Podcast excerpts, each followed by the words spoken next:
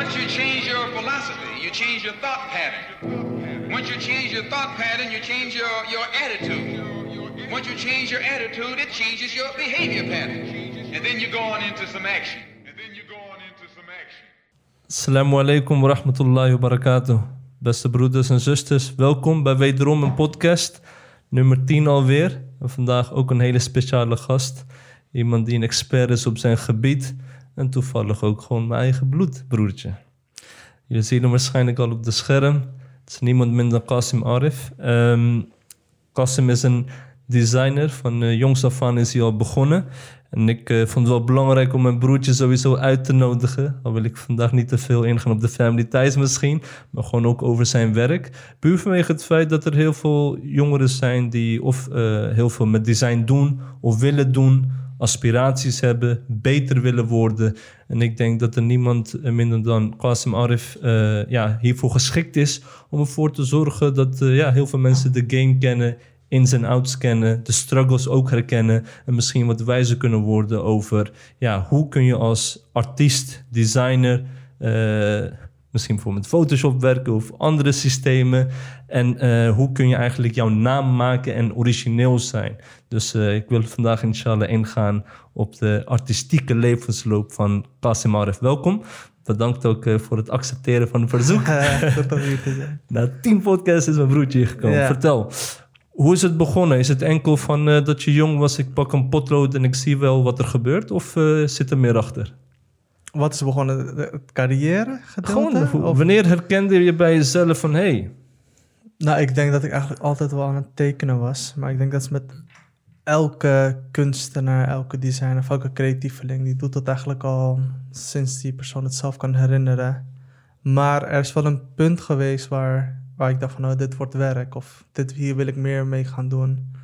En dat was waarschijnlijk... Ik denk, als ik even kijk... Als ik 14, 15 was ik toen ik met Photoshop zat te- begon te spelen. Dus van tekenen op papier naar tekenen op, op een scherm. En rond 17 toen ik was, heb ik de eerste echte flyer kunnen maken voor iemand. en Photoshop, is dat eigenlijk eh, de main system of eh, ja, so- software systeem waar je mee dient? Wat is het precies? Wat is Photoshop? Iedereen zegt van ja, ik kan Photoshop. ja, eh, Photoshop, eigenlijk Photoshop is eigenlijk, het zit al in het naam, is eigenlijk om foto's te bewerken. Oké, Ja, dus eigenlijk is het niet bedoeld om logo's te maken of een, een poster zelfs te maken. Ja. Ehm, daar heb je dan weer Illustrator voor. Dat is een andere software, ook van Adobe. Maar Photoshop is waar bij mij begonnen is. Ik zag allemaal, eh, weet toch, screensavers, wallpapers en designs van, weet ik eh, van boxen, van Dragon Ball Z. Ik zag mensen dat soort dingen maken en online zetten. En ze gingen ook vertellen hoe je dat maakt. Nou, ik vond dat leuk. Ik dacht, ik probeer dat. Ik volg hun tutorials. En op een gegeven moment leer je gewoon iets op iets, een kunst of een poster, op digitaal te maken. Ehm, en op dat moment was het in Photoshop en er was nog eentje de CorelDRAW. En dat waren eigenlijk de twee concurrenten. En ja, CorelDRAW, dat is eigenlijk... Het bestaat nog steeds, maar ja, iedereen is foto, gaan Photoshop. En dat is nu ook een werkwoord geworden. Zo groot is eh, eh, Adobe Photoshop. Dat is gewoon de, de go-to tool. Daar beginnen de meeste eigenlijk eh, mee. En dan ja, als je logo's, ja, dan moet je... Het is een technisch verhaal, dan moet je bij Illustrator zijn. Maar ik heb logo's in Photoshop gemaakt. Omdat ik dacht dat dat kon destijds, ja. Oké. En hoe is de ontwikkeling gegaan naar, oké, hier moet ik wat meer mee doen? Want het was eigenlijk, denk ik, ook begonnen als een hobby. Ja. Ehm, ja, neem ons mee naar de ontwikkeling van hobby naar echt werk van maken. Ik bedoel, werd je meer herkend? Of waren er mensen of familieleden die zeiden van, nee, je kunt leuk designen? Hoe, hoe Nou, ik denk, ik, ik begon gewoon te maken en ik had toen eh, ja, dan zo'n website met portfolio's, heette Divine Art.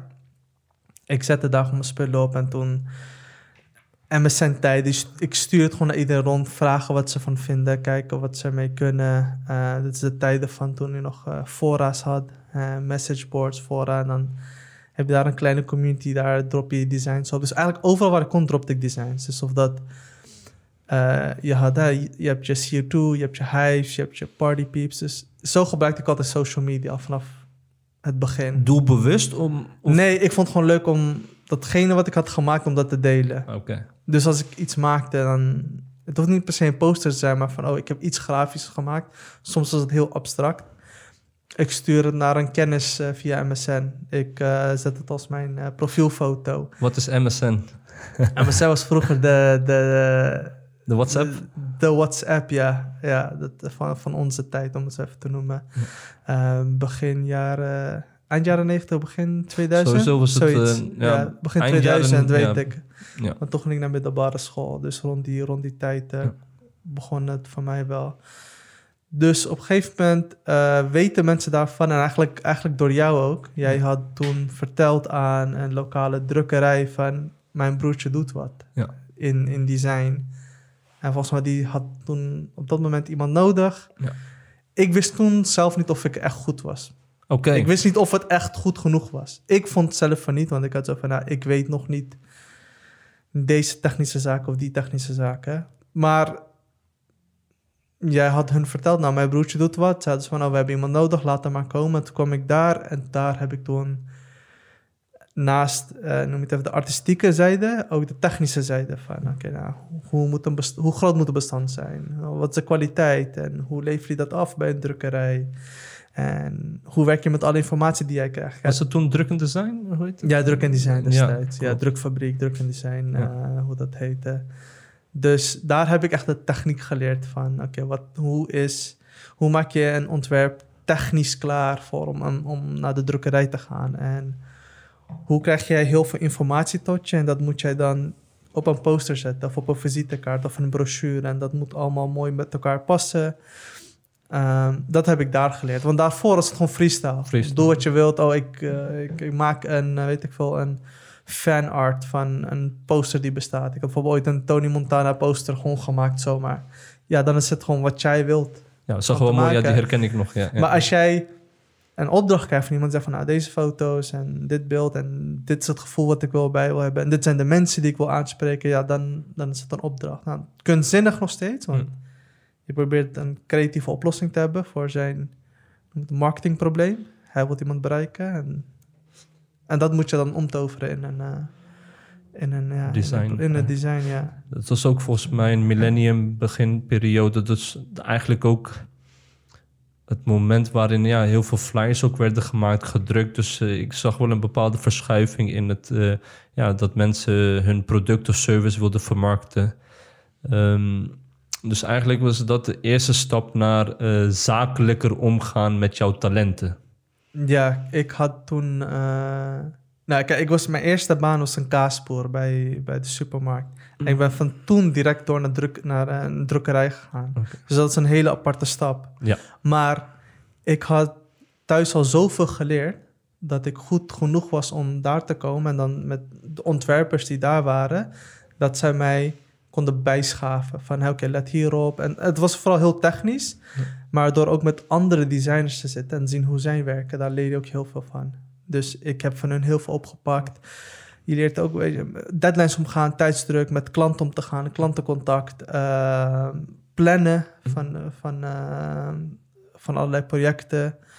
Ehm, en je ziet eigenlijk ook hoe andere designers en hoe de eigenaar en hoe de drukkerijgedeelte werkt. Dus je, daar had ik heel wat meegepakt. Dus van, eh, ik was toen volgens mij 18 toen ik begon. 18, 19, 20, 21 was het, heb ik toen daar gewerkt. En in die tijd heb ik het technisch gedeelte heel erg geleerd. En ja, het is nog steeds je hobby. Dus na werk ben je er nog steeds mee bezig. Tenminste, ik wel. Ja.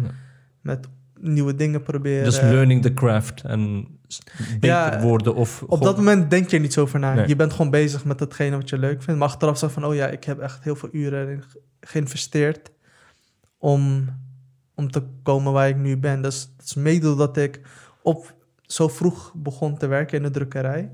Zoveel ehm, ervaring al in het begin had en exposure naar, naar, naar dat wereld met het zakelijk omgaan met, met jouw dienst, hè, met, jouw, met jouw kunst. Zakelijk toepassen. Uh, maar ik was ook nog steeds bezig om mijn eigen dingen te maken, weet je, creatief. Ik was toen al begonnen met uh, experimenteren met Arabische calligrafie. Dat was gewoon, gewoon voor jezelf, om gewoon kunstzinnig bezig te zijn. Ja, dat deed ik gewoon allemaal digitaal. Oké, okay, ja. dus eigenlijk jouw eerste soort van ja, officiële werk bij drukkende zijn was eh, jouw leerschool eigenlijk. Ja, want ik ben niet naar een lyceum geweest of zo. Ja. Ik Je hebt ben, het wel geprobeerd, toch? Of eh, was het eh, te kortstondig? Nou, ik ben na mijn VWO heb ik, ehm, ben ik naar de universiteit gegaan om IBA te studeren. International Business Administration. En eigenlijk door die studie heb ik geleerd dat ik dat eigenlijk niet wou doen. Ik leerde daar meer van, oké, ik had zo van, dit kan ik niet tot mijn 65ste doen. Of 67ste. Als ik het al heel, als ik het al niet fijn vind om te studeren. Er waren natuurlijk onderdelen die echt leuk waren, maar ook onderdelen van, oh, dit, dit vind ik eigenlijk niks aan. Uh, ik vond marketing leuk, maar accounting was minder interessant voor mij. Um, dus ik leerde door op de unie te zijn, leerde ik van oké, ik zie mezelf dit niet doen. Ik moet door blijven gaan met hetgene wat ik naast mijn studie doe. Het designwerk, mezelf ontwikkelen. Ik moet zorgen dat ik in een positie kom dat ik dit altijd kan blijven doen en dat het genoeg verdient om, om er niet mee te stoppen. Maar in die proces, ja, je hebt een bijbaan hier. Ik heb bij de KPN Prima Phonewinkel gewerkt. Je hebt zoveel bijbanen. En dat is gewoon, ja, je houdt jezelf bezig. Je moet inkomen hebben. Uh, je probeert ook andere dingen uit. Uh, het is ook een tijd dat ik ook niet helemaal zeker was of het iets kon worden. Ik was niet zeker van, oh, kan ik hier iets mee doen? En eigenlijk de reden dat ik niet naar een lyceum ben gegaan, is omdat lyceum is, um, wat ik had begrepen, was mbo-niveau. En als je VWO hebt gedaan, ga je never nooit MBO doen. Dat, dat idee heerst. Laatste, HBO ook niet. En dus dan ga je iets, ja, ga je iets op de Unie kiezen. En ik, er waren daar heel weinig um, studies die eigenlijk op mijn interesses uh, gebied, uh, gebied vallen. Maar ik had zo van, ja, ik heb VWO gedaan. Ik moet, VWO, uh, ik moet, ik moet de Unie doen. En daar maar iets vinden. Dus vandaar, ik dacht international business, dat vind ik nog wel fijn. Internationaal gericht, dat is, nog steeds zaken doen. Of even een zakelijke atmosfeer. Maar ja, dat was er niet helemaal voor mij. Nee. Nee, nee. Wat waren de lastige momenten of uitdagingen toen je ja, werkte als designer voor een bedrijf? De lastige momenten zijn... Um, ik denk, je hebt zoveel verschillende klanten. En als je dan werkt voor iemand, dan, dan heb je geen keuze in de klanten die je krijgt. Facts. Ja. De klanten die hebben zo van, ah, dit is een project en die moet je doen. En je hebt geweldige klanten, je hebt moeilijke klanten. Dat is gewoon, ja, dat is gewoon bij elk, elk, elk beroep is dat zo. Dus dat is lastig om soms met een klant te moeten werken. En nou, bij, bij, deze drukkerij, het was ook niet de workflow was niet geweldig. Je, ik bedoel, je hoort eigenlijk niet te ontwerpen met een klant naast je. Dat, dat werkt gewoon niet. Een klant hoort jou een briefing te geven, vertelt wat hij nodig heeft en die geeft je dan het vertrouwen. Dus er is ook een tijd dat ik daar met klanten zat die wilden per se dat je ontwerpt met hun naast je. En die geef je dan aanwijzingen. Ja, uh, doe dat maar dit. En dan, ja, dan ben ik geen ontwerper meer. Dan ben ik gewoon eigenlijk een, een uitvoerder een, zoals die... Een pixel pusher noem je dat. Van oké, okay, waar wil je deze pixel hebben? En welke kleur en hoe groot moet dit logo zijn en tekst zijn? Hm. Nou, dat, dat kan, er is niks mis mee. Maar dat was ik niet. Ik ben niet iemand die... Dat, tenminste, dat mijn, mijn gevoel. Ik had zo van, nee... Ik weet wel wat beter voor jou zal zijn. Maar de klant zegt van, nee, ik weet wat beter voor mij is. Ging je dat ook toen aangeven? Toen de Nee, tijd ik, dat- wist, ik, ik vertelde het wel, maar ik kon het nog niet articuleren waarom ik dacht dat het beter was. Ik had zo van, ja, maar dit is veel beter dan dat. Eén, visueel zag het gewoon veel beter uit. Anderzijds ehm, heb ik zo van, ja, jij wilt een bepaalde doelgroep aanspreken Mm. en dit is niet hoe je ze zult aanspreken. Maar ik had toen nog niet echt de juiste woorden en het was ook niet de, de juiste ruimte om dat te gaan doen. Ja. De projecten die ik kreeg, naast mijn werk, ja, daar kon ik wel mijn expertise, tenminste, dat, zo noemde ik dat niet, maar ik kon meer, ik had meer zeggenschap. Ik wist welke klanten ik wou. Nou, ik, er waren weinig klanten tegen wie ik nee zei. Maar de klanten die je dan krijgt, dan dat je ze dan vertelt van oh, hoe jij dan te werk gaat. Maar bij. Dus een, drukkerij is ook geen een, reclamebureau of een ontwerpbureau. Een drukkerij is hoofdzakelijk bezig met zorgen dat er genoeg eh, flyers en posters gedrukt worden. Dus zij hebben liever dat er een poster of flyer binnen een uur klaar is, dan dat ik drie uur bezig ben. Dus dat is een hele andere dynamiek. Ja. Maar Dat was voor mij heel goed geweest, want het was niet alleen ik, want daar kwamen ook stagiaires van de Grafisch Lyceum. En die hadden ook, die kregen dan vanuit school een bepaalde denkwijze mee. En dat paste eigenlijk ook niet bij een drukkerij, Ja. eigenlijk. Het was wel fijn voor hen om dat te leren.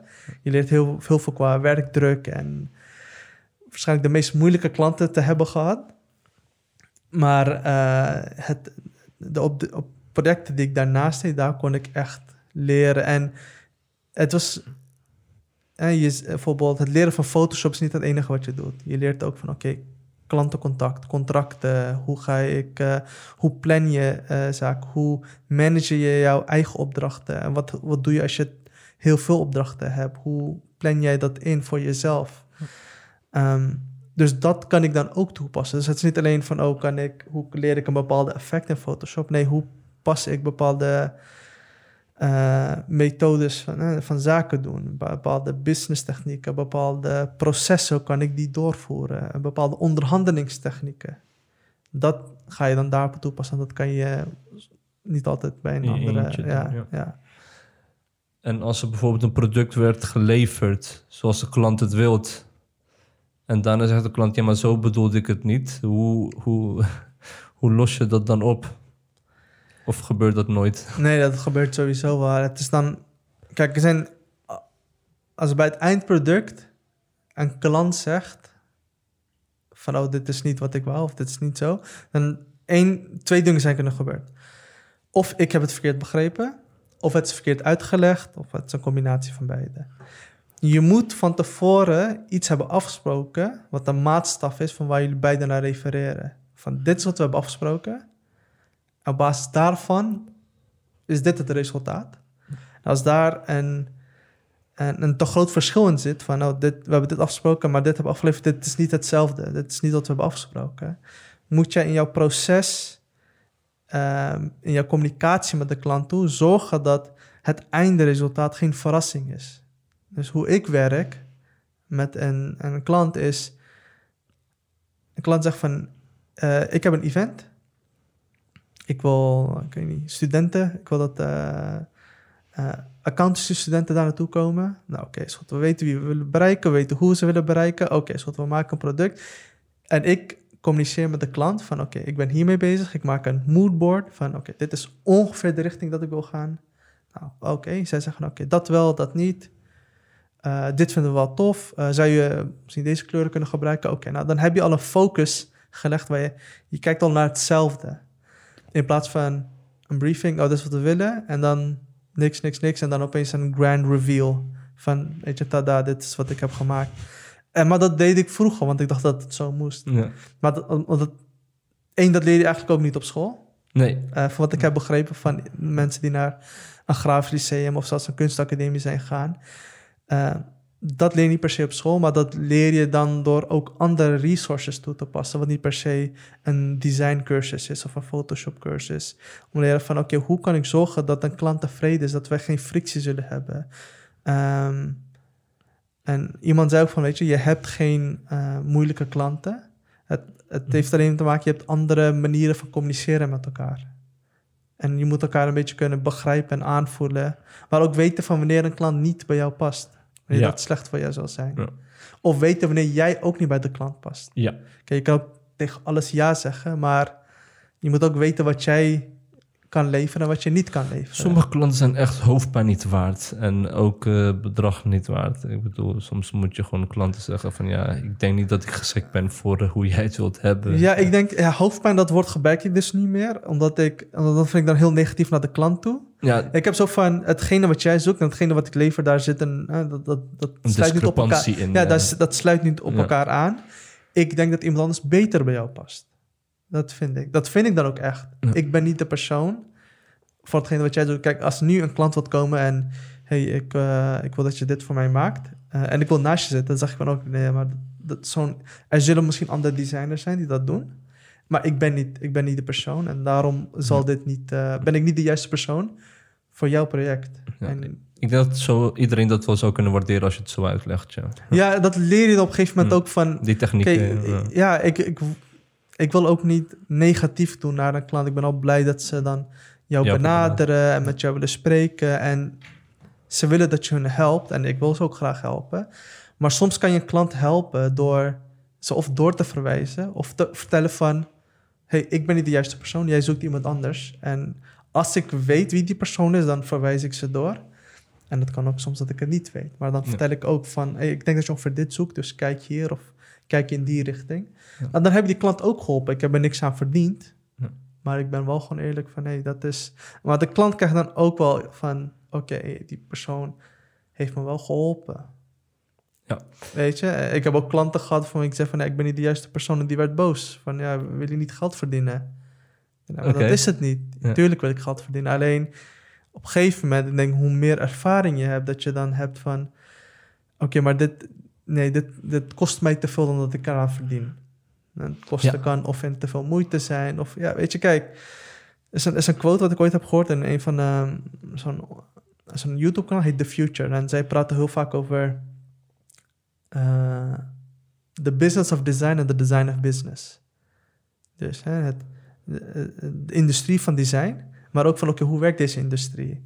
En hij zei een keer, had dit samengevat, hij heet Chris Do, hij zei, when a client calls you and you don't want to pick up the phone, that means you're not charging enough.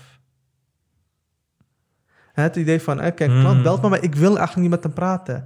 Betekent dat je al, oh, dat is, dat is eigenlijk al niet goed. Dat, is een teken goed. Ja. van dat jij niet, kijk, als iemand mij, eh, ik zeg maar, een miljoen zou geven, ja, ik ga niet zijn telefooncall negeren. Nee, nee. Dat ga ik niet doen. Er is een bepaalde verwachting ook van, nou, zo'n groot project is al een bepaalde level van service bij zijn. Oké, helder. dat, Ja, hè, ja. dat is een beetje waar je naar kijkt. Dus het, het, het, is, het is, communicatie is alles eigenlijk hierin. Ja. En, en helder en duidelijk zijn en eerlijk zijn tegen elkaar. Dat, ik denk dat een klant dat ook kan waarderen. En een klant die daar boos op wordt, ja, dan weet je al van, oh ja, dit was al geen goede, dit was geen goede, ehm, dit zou niet werken. Het zou Helder. zeker niet werken. Ehm, nadat je eigenlijk ja, bij druk en design was uitgeleerd, kunnen we dat zeggen? Ging je Ja, zo'n beetje wel, ja. Ja. ja. En, toen- en wat eh, was jouw volgende stap? Ik ging toen bij KPN werken. Oké, prima voor. Ja, het was gewoon een bijbaantje. Ik was nog aan het studeren. Dus ik... ehm, ik dacht toen ook dat ik niet een baan zou kunnen krijgen bij een ander bureau. En dat was tot op een bepaalde hoogte waar. Ik had geen papiertje. Ik had geen grafisch lyceum of iets dergelijks. Ik had alleen wel een portfolio. Ja. En dit is nu, we praten nu twaalf jaar geleden. Dus ik had het idee van, nou, ik, kom niet zomaar ergens bij een andere drukkerij of een ander ontwerpbureau. Eh, want over elke vacature wat je zag is van, nou, je moet een diploma hebben van de Grafisch Lyceum of je moet daar hebben studeren. En dat deed ik allemaal niet. Terwijl, toen ik bij de drukkerij werkte, ik zag heel veel stagiaires binnenkomen van de Grafisch Lyceum. En de kwaliteit was heel verschillend. Er waren hele goede tussen, maar waren ook iemand van de, waarvan ik dacht van... ik weet niet waarom jij dit studeert. Want kennelijk is dit eigenlijk niet jouw ding. Want er zit ook een bepaalde, als- er zit ook een bepaalde interesse in. Een bepaalde energie wat in moet zitten als jij dit soort werk doet. En dat, bij sommigen merk je dat echt van... eh, dit, is, dit hoort bij jou. Bij anderen zo van... ik weet echt niet waarom je dit doet. Dus ik had zo van... ja, had ik wel of niet naar een grafisch moeten gaan?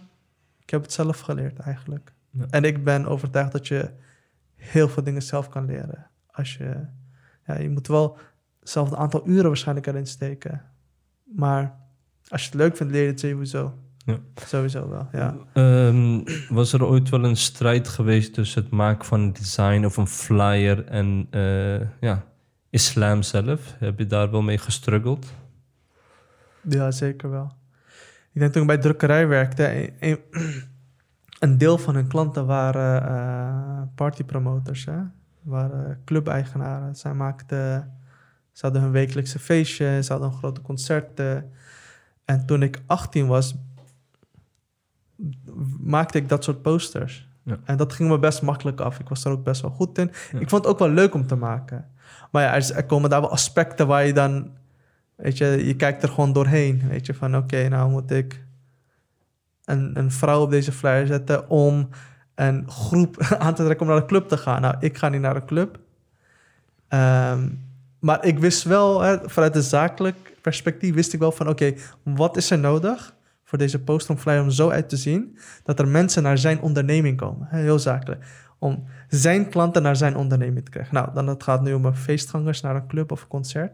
Nou, ik wist altijd wel van, oké, dat is een beetje, eh, beetje krom eigenlijk dat ik dit doe. Maar ja, je, bent er goed in, je bent, je bent jonger, dus je denkt er misschien zo wat makkelijker over na. Ehm, dus ik wist dat altijd wel. En daar ben ik, daarom ook ben met Arabische kalligrafie begonnen. Tenminste, meer gaan investeren om dat te gaan leren. Of islamitische kunst eh, over het algemeen. En dat was gewoon van, hé, hey, ik wil blijven designen.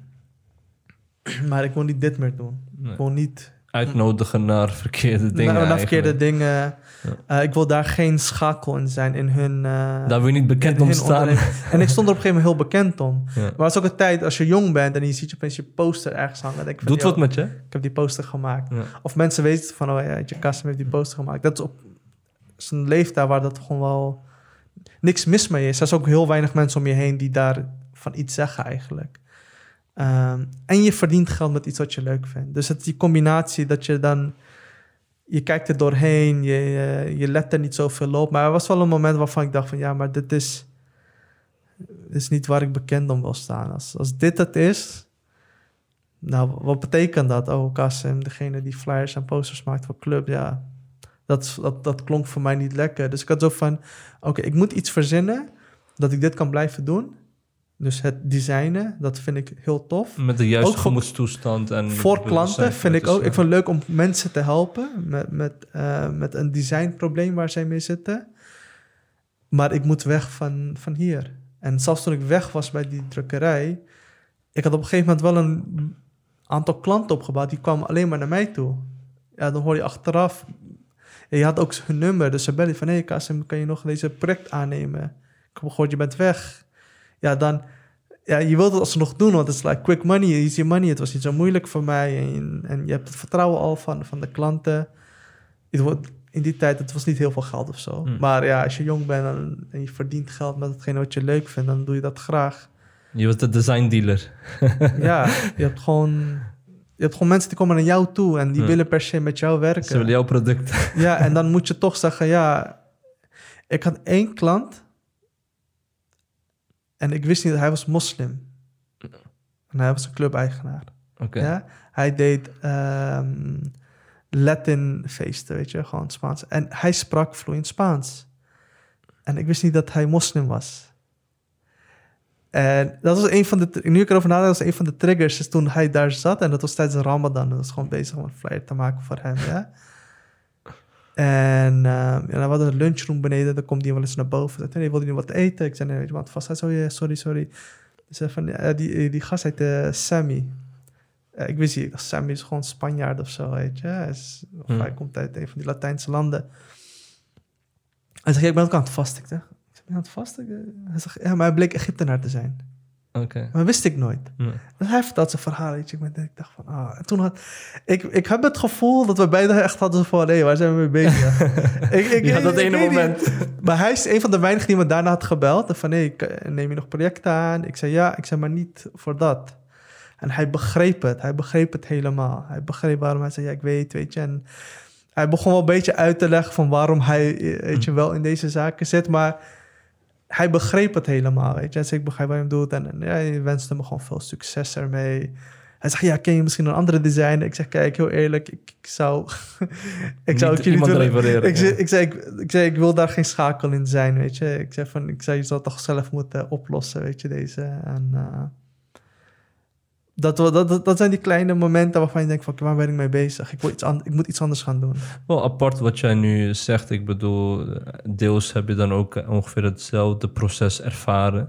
Als bijvoorbeeld iemand die soort van, ik wil niet helemaal. eh, er zijn wel overlappingen met iemand bijvoorbeeld die vindt dat hij haram bezig is, maar hij is er goed in. Of bijvoorbeeld die, iemand die alcohol verkoopt, hij is moslim. Of iemand die drugs verkoopt, hij is moslim. Of zelfs acteurs of muzikanten die eigenlijk wel ja, eh, ja, met een, een gewetenskwestie speelt dan een rol. Van oké, ik ben moslim, maar ik doe dit. Wat is wijsheid? Dus aan de ene kant denk ik wel dat het eh, goed en inspirerend is wat jij zegt. Van hé, weet je, I let that go. En dan heb ik niet over eh, weet je, het bedrag of de bedragen die je allemaal hebt laten gaan. Voor een jong iemand, all money is good money bijna. Ja, Snap je? Ik bedoel, als, als jij 150 euro kan verdienen binnen een half uur, wie zegt dan nee tegen bijna? 150 euro binnen een uur, geen probleem. Kwartiertje werk even wat aanpassen, 40 euro, dankjewel. Dus als dat in vogelvlucht zo zou verder kunnen gaan en je laat het islamitische aspect gewoon liggen en op een gegeven moment gaat die islamitische sentiment, die wordt gewoon vermoord en je hart wordt zwarter en zwarter. Dus ik, ja, weet je, niet iedereen pakt het moment van hé, hey, ik moet eigenlijk hiermee stoppen. Anderen, de meeste vaak, die gaan gewoon verder. Maar het is ook makkelijker als je jonger bent, hè? Als je, Om te stoppen of door te gaan? om... Oké, ik wil niet zeggen of het makkelijker is, maar voor mij was het van, je woont nog thuis. Ja? Eh, ik ben niet getrouwd, je hebt geen kinderen. Eh, en ik zag wel... Kijk, je moet ook actief zoeken naar een uitweg. Dat is een weet, like, dat is- uitdaging dat is- zich. Ja, je moet hebben zo van, ik moet iets anders doen. Er is zeker een moment geweest, er is, eh, dat herinner ik nog heel goed, dat er gewoon, ik had geen, ik had een bijbaan natuurlijk, maar eh, op het designvlak gebeurde er, kreeg je geen opdrachten. Hm. Ja, toen kwam er een oude klant, zei van, yo, kan je een flyer fixen voor mij? Ja, op dat moment, ik, had, ik dacht er niet over na. Ik zei, yo, ik heb die geld nodig, Hm. Let's go. Oké, stuur, mail mij die info, stuur mij het geld op. ja. En ik heb die flyer voor je klaar. Maar toen ik klaar was, dacht ik ook zo van... "Shit, Dit is juist wat ik niet wou. Ja. En, maar dat, dat motiveerde me toen om nog harder te gaan. Dus je zoekt een uitweg. Je blijft doorgaan. En natuurlijk, weet je, op dat moment denk je niet zo over na. Maar als ik die beslissing nu moest maken, ja, dat is veel lastiger. Ja. Vrouw, kind, je hebt een huis, dan, dan worden die beslissingen moeilijker. Ik heb, ik heb een, een, een, bekend, een, een kennis van me. Hij zit ook in de designwereld, werkt bij een reclamebureau. Eh, hij is een bekeerling. Hij dropt mij een bericht zo van... Ja, weet je... eh, er is een, eh, nieuwe klant bij ons bureau. Uh, is Postcode Loterij. Hij zegt, ja, maar weet je... Ik heb niet echt hier verteld dat ik een... weet je, dat ik praktiserend ben of dat ik moslim ben. Weet je, wat zou ik doen? Wat moet ik doen? En ik had zo van hem een beetje kennen. Ik dacht zo van, ja, weet je, hij weet wat hij moet doen. Hij weet eigenlijk wat hij moet doen. En ik probeerde hem gewoon een beetje te ondersteunen. Ik zei van, ja, kijk, zie makkelijk.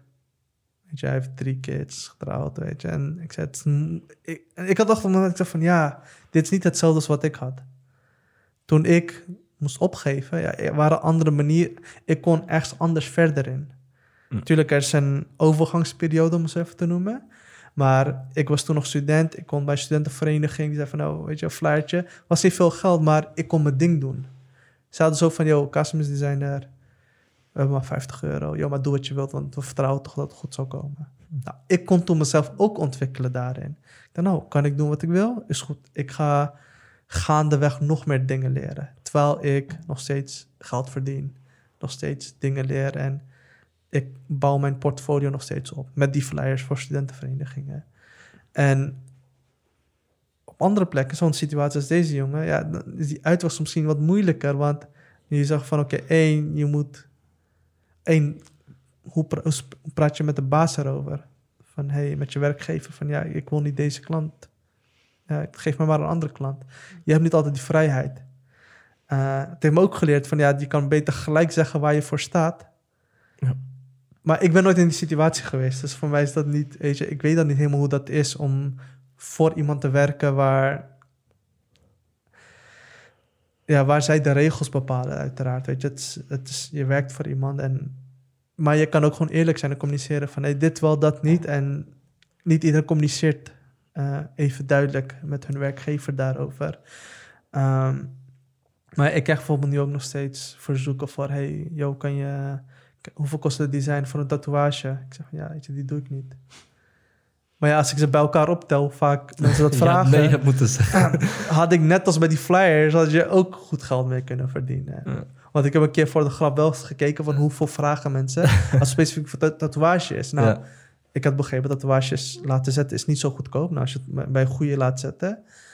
Dan denk je van, oh, dan, je, kan, je kan er wat voor vragen, want dat betekent veel meer voor mensen natuurlijk. Maar ik had zo van, ja, maar dit gaat... Zodra je dat één keer doet, dan, weet je, dan gaat Je die kun- deur open voor... eh, Je kunt er een beetje tricky mee omgaan. Niet dat ik iedereen nu adviseer om het zo te doen. Van nee, ik maak maar een design. Wat je verder mee wilt doen, dat design pak je aan. Dat, er zijn mensen die dat zo doen. die vinden zo van, ja, maar jij zet niet die tatoeage. Maar als iemand specifiek zegt... Ja, Maar ja. voor mij, als, eh, als iemand die een dienst verleent... ik moet altijd vragen van, waar is dit voor bedoeld? Exact, ja. Omdat ik de klant wil helpen. Kijk, als de klant zegt van, oh, ik wil naar punt A... ja, maar datgene wat zij vragen brengt u naar punt B... zeg ik, nee, nee, eigenlijk moet jij dan dit doen om daar te komen. Als ze zegt van, ja, ik wil... eh, een voorbeeld, ik had een keer een eh, klant... die had een autorijschool... En eh, die zei van, ja, ik heb een vette logo nodig. Maar had niet echt veel budget. Ik zei, ja... Ik zei, auto, ik, zei, ik weet niet of ik ooit de autorijschool heb gekozen... op basis van hoe mooi hun logo is.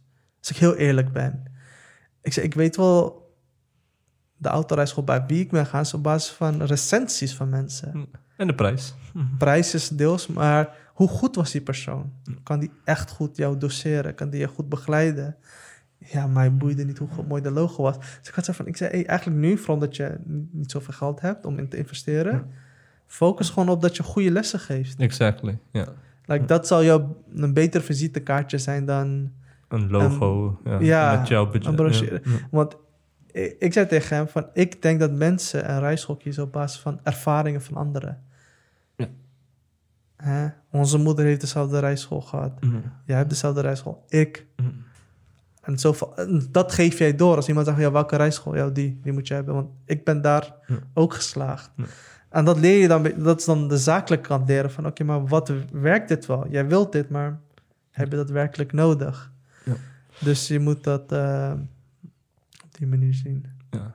Ik eh, wil niet de belastingdienst op je dak hebben, maar in het begin ging het allemaal eh, anders toen je voor jezelf ging werken. Ja, in het begin weet je het niet beter. Nee, je weet Maar ik had het geluk dat er heel vroeg al een klant was en die vroeg om een factuur. En toen moest ik nadenken van oké, hoe zit het in Ja. elkaar? En dat was in principe niet zo heel moeilijk eigenlijk. Alleen het ziet in het begin, lijkt het heel eng. Want omdat het meteen professioneel is, je hebt nu een eigen business. Ja, want als je, niet, gevoel? als je Ja. niet weet wat er... Ja, dan vraag je, hey, moet ik nu een kantoorruimte hebben? Like, je denkt aan heel wat Ja, dingen. BTW je- erop en al die dingen. Ja, wat betekent dat? En in principe is het heel simpel, maar ehm, ik denk niet, het kan veel simpeler uitgelegd worden. Ja. Er is heel veel informatie, maar welke informatie is van toepassing jou. Ja. eh, bij jou? Eh, maar in het begin, ja, weet je, het ging ook zo zulke kleine bedragen. Ja. Maar ik weet nog, de eerste was dan, iemand had een event georganiseerd, de Haagse Hogeschool met eh, de megastores. En megastores hadden facturen betalen voor design. En zeiden van, we hebben factuur nodig. Onderzocht, maakte de factuur op. En dacht ik, van, oh, dat is eigenlijk niet zo moeilijk. Eigenlijk best wel makkelijk om te doen, alleen... Ja, in het begin eh, denk je gewoon van, oh, je betaalt gewoon. Alsjeblieft, dankjewel, hier heb je de bestanden. Ja. Weet je, later. Later, ja. Ja. Maar dan merk je ook van, ja, die klanten destijds, ja, die, die werken er ook op een bepaalde manier. Ja. Ja, We hoeven niet eh, heel veel te laten zien. Of willen misschien ook niet Die hadden geen zien. bonnetjes nodig Ja, ja, op dat moment. Maar waren vaak ook dan hele startende ondernemers, weet je. Van, oh, ik heb net dit geopend. Of ik ben, eh, ik ben net de autorijschool. Kan ik, je- maar achteraf begreep ik dat niet. Ik dacht van, je kan net zo goed voor alles gewoon een bonnetje hebben. Is soms wat makkelijker. Lijkt Maar iedereen heeft zijn redenen. Ja, Kijk, eh, iedereen heeft zijn redenen waarom ze dat doen. denk ja. Ja. Dus toen schreef je je eigenlijk in ja. bij de KVK. En hoe was de ontwikkeling van, oké, hoe noem je jezelf? Ben je ZZP'er? Of eh, ja, hoe ging jij jezelf proberen is te vermarkten? Wat is jouw naam? Heb je altijd- namen? Ja, wij waren toen met die naam gekomen, zo van Static, Static Designs. Dat klonk gewoon leuk. Was verder, het was meer zo van het klinkt tof. Eh, ja, klopt. Volgens mij zaten we daarover te brainstormen. Ja. Ik kan me nog goed heugen. Ja, toen zat ik natuurlijk heel erg diep in eh Tupac. En, eh, en hij had een eh, album die eigenlijk bijna onbekend is. 21 in One Static. Ja, En ik vond altijd van als je een, een artiestennaam moet geven, Ja. eh, dan moet er wel een bepaalde herkenning zijn van hoe je ook in het echt bent. ja, Ehm, ja, en eigenlijk bij jou is het meer van oké, het is sterk, maar daar staat een C achter. Eh, Statics met de C gespeld. Ja, ja. en, maar je heet Qasim. Dus we pakken een Q erbij. Ja. Kijk, ja, causing sterk, wat betekent dat eigenlijk? Dat is eigenlijk van, yo, ik ga problemen, ik ga opheffen, snap je? Ja. I'm in trouble. En ik vond wel, kijk, ook al ligt het niet zozeer echt in jouw karakter, you relax, cool guy, niet te Ja. moeilijk doen. eh, en eh, weet je, je, bent eh, reasonable zelf. Dus je bent niet explosief, you, you calm and humble, snap je? Maar jouw designs, they really cause some sterk. Ja. Dus dat was eigenlijk, ik vind wel dat er een filosofie achterna moet zijn. Dus dat is wel wat ik wel bij jou had gepitcht van, yo, ik gotta be the bomb though. Snap ja, je? ik weet wel dat we heel lang zaten na te denken. Ja. En er- ik weet wel, op dat moment had ik zo van, je zei sterk, ik dacht dat is hem klaar. Dat is het. Ja, Want ik heb jou niet op de hele... Op Ja, een gegeven moment dacht ik zo van, we zijn heel lang bezig hiermee. ja ook nog, ja. Want dat is ook zo van, weet je, zet je persoonlijke naam, hoe profileer je. Eh, ik weet nog mijn eerste website, ik sprak als wij, Ja. wij zijn dit, wel het gewoon één persoon was. Eén persoon en was, weet ja. je, wij doen dit en wij leveren die design en wij kunnen jullie hebben. Ja. En het was heel anoniem ook. Ja, Eh, kijk, de mensen die je lokaal kennen, kennen je. Maar ja, als je mensen die alleen van een portfolio kennen, van je website, dan, dan denk je van, oh, dat is een groot bedrijf. Maar dat wou ik destijds ook doen. Ja. Maar mensen wisten van, oh, Kasim freelance, weet je, hij is een freelancer. En gaandeweg met de jaren heb ik geen, van die freelancer niet een fijn woord. oké. En dat was ook, ehm, en ik heb dat toen afgeleerd. Mede door die eh, YouTube-kanaal waar ik net over The Future. Want Hm. waar, zij hebben zo van, oké, welke associaties hebben mensen met de freelancer? En wat is the power of words? Ja. Oké, ben ik een freelancer? Or do I run a business? Er zit een heel ander gevoel in. Ja? Hè? Ben je een freelancer? Or ik run mijn eigen studio? Het is, het is net een ander gevoel en verwachting wat mensen eh, k- kregen. Dus toen ik ben en ik heb dit, ik heb dit toen geoefend. En ik Kun je het verschil wat misschien specifiek... Maar wat bedoel je? Ja. Ik denk dat het verschil als mensen freelancer denken eh, dat, ehm, dat het idee is dat je niet zo duur bent. Dat je Hm. makkelijker meegaand bent. Maar als je zegt van ik ben een, ik ben een business. Staan we, een freelancer neem je in dienst van hey, doe dit. En een business praat je mee. Begrijp je? Dat is een beetje order taking en... Er zit je, een beetje een Jay-Z achter van... I'm not a businessman, I'm a businessman. Ja, Ja. ja. zo van, dit is hoe je... En Ja. ik merkte dat ook. En toen ik... Ik heb toen dit geoefend, want een van de dingen wat ik dan leer is van... Oké, als je... Oké, ik heb deze informatie nu mezelf gemaakt. Ik ben geen freelancer meer, ik ben een business. I run a studio, het is hoe je dat wilt noemen. Ja. En hoe gaan mensen dan met jou om? Ehm, ik had toen iemand geleerd, was een designer, zo 17 jaar, inmiddels 18 of 19 nu. En hij zei, ja, ik ben een freelancer. Ik zei, nee, ik zei, volgende keer als iemand vraagt wat jij doet, zeg je, I run my own studio. Ja. En ik zei, de eerstvolgende persoon, dat waren bij, een, eh, bij zo'n eh, zo'n design arts festival. Ik zei, eerstvolgende persoon die met jou praat over de eh, prijs, wat dan ook. Ik zei, laat ze weten dat jij een business bent. Dus niet, eh, misschien vijf minuten later kwam iemand van... hey, eh, het is Sam. Van, Mhm. Yo, Sam, eh, ik heb designs nodig, weet je. Ik werk met heel veel freelancers. Maar ik heb gehoord, je bent best goed, weet je, dit, dat. En ehm, weet je, hoe werkt dat? Hij zegt, ja, weet je, I, hij zegt, I run my own studio. En, dit, en ik zag gewoon hoe de, De verandering van toon. reageerde. ja, Zo ja, van, ja. ik ben geen freelancers met wie je hebt gewerkt. Oké. Weet je, want een freelancer is ook heel erg... Ik weet niet, het komt een beetje disposable. Je, ik kan jou vervangen met een ander freelancer. You're just one of many. Ja. Ik zei, nee, maar als je een business bent... Je kan ook als freelancer... Het is niet per se dat het woord Nee, freelance precies. verkeerd is. Alleen je, je leert gaandeweg van... Oh, er zit ook een bepaald idee hierachter... hoe mensen je dan benaderen. Ja. Dus toen ik daarmee gestopt had... van ik, ik ga mezelf geen freelancer meer noemen. I run a business. En dit is hoe ik het run. Dan gaan mensen je ook heel anders benaderen. Zeker. Zeker. Ja, Ja. en ehm, ik weet nog dat, ik weet nog heel vaak, je, dan maak je te zijn, zeg maar, zo, oh ja, maar je bent, best wel professioneel, hè? Als ze iets mooi vonden, zeiden ze hey, dat is best wel professioneel, terwijl je jezelf altijd als professional hebt beschouwd. Van, eh, je doet iets, je levert een dienst af, ehm, je- op de hoogste kwaliteit wat je kan leveren. En dat mensen zeggen, hey, is best wel professioneel, want zij hebben een idee van een designer, iemand, het kan ook niet professional zijn. Maar is het ook niet als ze weten dat jij... Stel je voor, je bent eh, ook gewoon succesvol... Ja. maar dat het ook gewoon met jouw naam zelf te maken heeft. Ik bedoel, een Qasim Arif die hetzelfde werk zal leveren of dezelfde manier zal communiceren.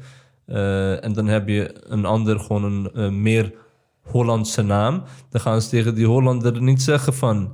Hey, je bent wel professioneel. Dan heb je al een bepaalde acceptatie dat mensen op zo'n level kunnen communiceren of zichzelf kunnen profileren. Of sla ik de plank een beetje mis? Nou, niet helemaal. Dat, dat klopt denk ik wel. Want degene, mijn omgeving bestond meestal uit moslims. Of weet je, ja, precies. buitenlanders die zijn opgegroeid Ja. in Schilderswijk, ook naar school en de vriendenkring. Dus ik, er komt echt op iets anders neer. Is het feit dat je kent niet veel designers Ja. met een bepaalde achtergrond. Ik kende ze ook niet. Maar toen ik ze vond, ik, ik ging naar ze toe en dan, weet je, je probeert gewoon contact te onderhouden. Van, oh, jij bent ook designer. Ik ken er niet veel. Ze zullen vast zijn, maar weet je, waar zijn ze? Want ik vond de designwereld best wel wit. En volgens mij is dat nog steeds het geval. Ehm, maar je ziet veel meer hè, designers van people of color, weet je. eh, Ja. Van eh, niet-westerse achtergrond. eh. Dus degene die dat zei, de professional, die had dan ook het idee van... Oh, ik denk dat ze dan ook op basis daarvan zeggen... er zijn weinig designers die moslims zijn... of weet je, van de migra ehm, eh, weet je, ouders die eh, als die migranten naar Nederland zijn gekomen... dat zij ook designers zijn. Of in ieder geval in die industrie ook aanwezig zijn. Ja. Eh, dus dan... Ik ging ervan uit dat ze op basis daarvan zeiden van... Oh, dat is professioneel, dat is best wel... Want je verwacht het misschien niet van iemand die dat doet. Dat, hij, dat er professionals zijn die op jou lijken in zo'n industrie. Ja. Ik denk dat het daar komt.